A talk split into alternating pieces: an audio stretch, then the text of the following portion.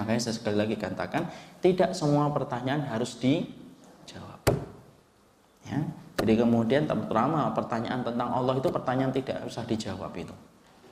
Ya, karena tidak semua hal di dalam kehidupan kita harus ngerti. Contoh, mana yang lebih dulu daripada ayam ataupun telur? Tidak usah dijawab ngapain dijawab itu tidak penting itu Ataupun pertanyaan yang terkadang sifatnya memang tidak usah dijelaskan hari ini. Ya sudah tidak usah dijelaskan hari ini kalau sifatnya membawa kekeruhan. Contoh, bertanya tentang bagaimana status orang tuanya Rasulullah Shallallahu Alaihi Wasallam. Dan tentunya kita harus paham bahwasanya di situ ada khilaf, ada perbedaan para ulama. Tapi kalau kemudian ditanyakan, ada orang yang mencoba bertanya itu supaya membenturkan satu muslim dengan muslim yang lainnya. Kenapa? Di balik pertanyaan itu ada penumpang gelap yang ingin membenturkan muslim dengan muslim yang lainnya. Banyak orang yang hari ini ibu menjadi penumpang gelap dia dalam setiap masalah, dalam setiap isu yang keluar. Kenapa? Karena mereka tahu bahwasanya kaum muslimin apabila mereka bersatu padu dan berada pada sop yang sama, sesungguhnya mereka tahu yang paling dirugikan adalah orang kafir dan orang-orang musyrikun. Makanya mereka berusaha apa? Berusaha betul untuk kemudian membentur-benturkan kaum muslimin dengan kaum muslimin yang lainnya.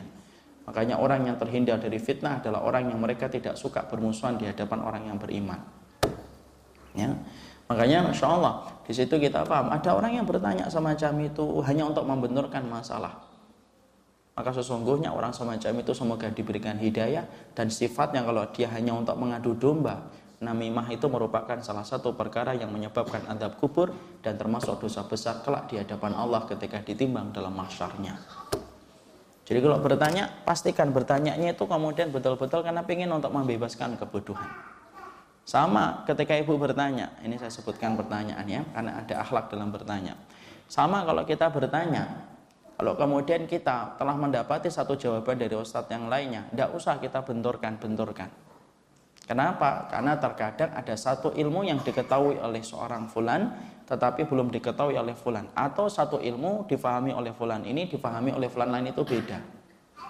Dan kita sebagai tolik ambil saja. Kalau memang kita bingung ambil saja tanpa kita membenturkan. Karena terkadang ada orang yang menyampaikan pertanyaan. Setelah dijawab, lalu kemudian si penanya ngomong. Kata Ustadz ini kok gak gitu Ustadz? Alhamdulillah saya belum pernah sih kayak gitu. Tapi saya bisa merasakan perihnya orang yang ditanya kayak gitu. Ataupun kemudian dia setelah ngomong mungkin tidak bertanya atau nggak ngomong langsung di majelis. Kemudian di luar dia ngomong, tah Ustadz ini ngomongnya gini, ini Ustadz ini ngomongnya gini. Kemudian apa? Mencoba untuk menanamkan kebencian dari pertanyaan yang dia sampaikan. Tidak boleh itu ibu. Jangan kemudian menjadi talibul ilmi yang sifatnya itu namam. Apa itu? Pencari ilmu tapi sifatnya adalah pengadu domba. Lausa katal jahil aminat al fitnah. Kalau orang yang bodoh tidak banyak bicara, maka fitnah itu tidak akan menjadi besar. Tapi fitnah itu jadi gede, kenapa? Karena banyak orang yang bodoh banyak ikut bicara.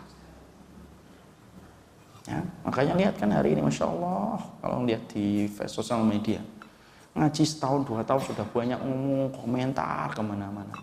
Bedain khilaf di antara para ulama, khilaf pendapat yang roji marjo aja belum paham, tapi ngomongnya sudah sebagaimana orang yang sekolah di fakultas syariah puluhan tahun. Kalau ditanya, sudah berapa surat sih dihafalkan sampai sibuk dengan ngomongin orang? Tiga surat yang terakhir.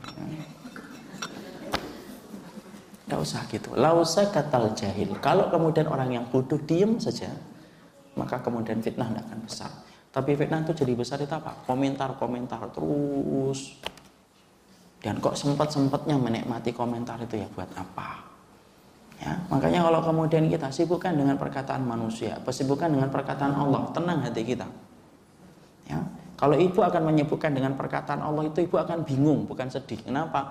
Kenapa dari dulu hafalan sholatnya nggak nambah-nambah gitu kalau kita sibuk dengan perkataan manusia baru kita sedih kenapa fulan ngomong gini kenapa fulan ngomong gitu alah ibu sempat-sempatnya sih kita ngomongin omongan orang sibukkan dengan kalamullah orang yang menyibukkan dengan kalamun nas maka dia tidak akan sibuk dengan kalamullah tapi orang yang sudah sibuk dengan kalamullah maka dia akan dihindarkan dari kalamun nas perkataan manusia yang tidak membawa faedah ya jadi di situlah kita paham. Jadi kalau bertanya Tanya sama diri kita. Kita bertanya, pengen tahu maklumatnya atau bertanya.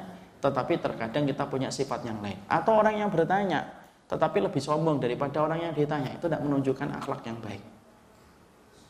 Dia bertanya, sebenarnya dia udah mempersiapkan jawaban banyak. Kemudian dia tanya, ya Ustadz, gimana hukumnya begini? Jelaskan Ustadz, bla bla bla bla. Hmm, tapi kalau menurut kitab ini begini, kalau kitab itu begitulah. Sudah tahu ya sudah, tidak usah nanya.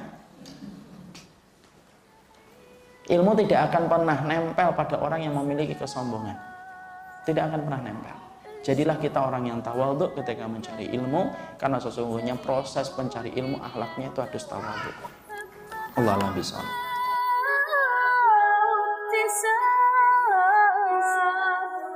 انشروا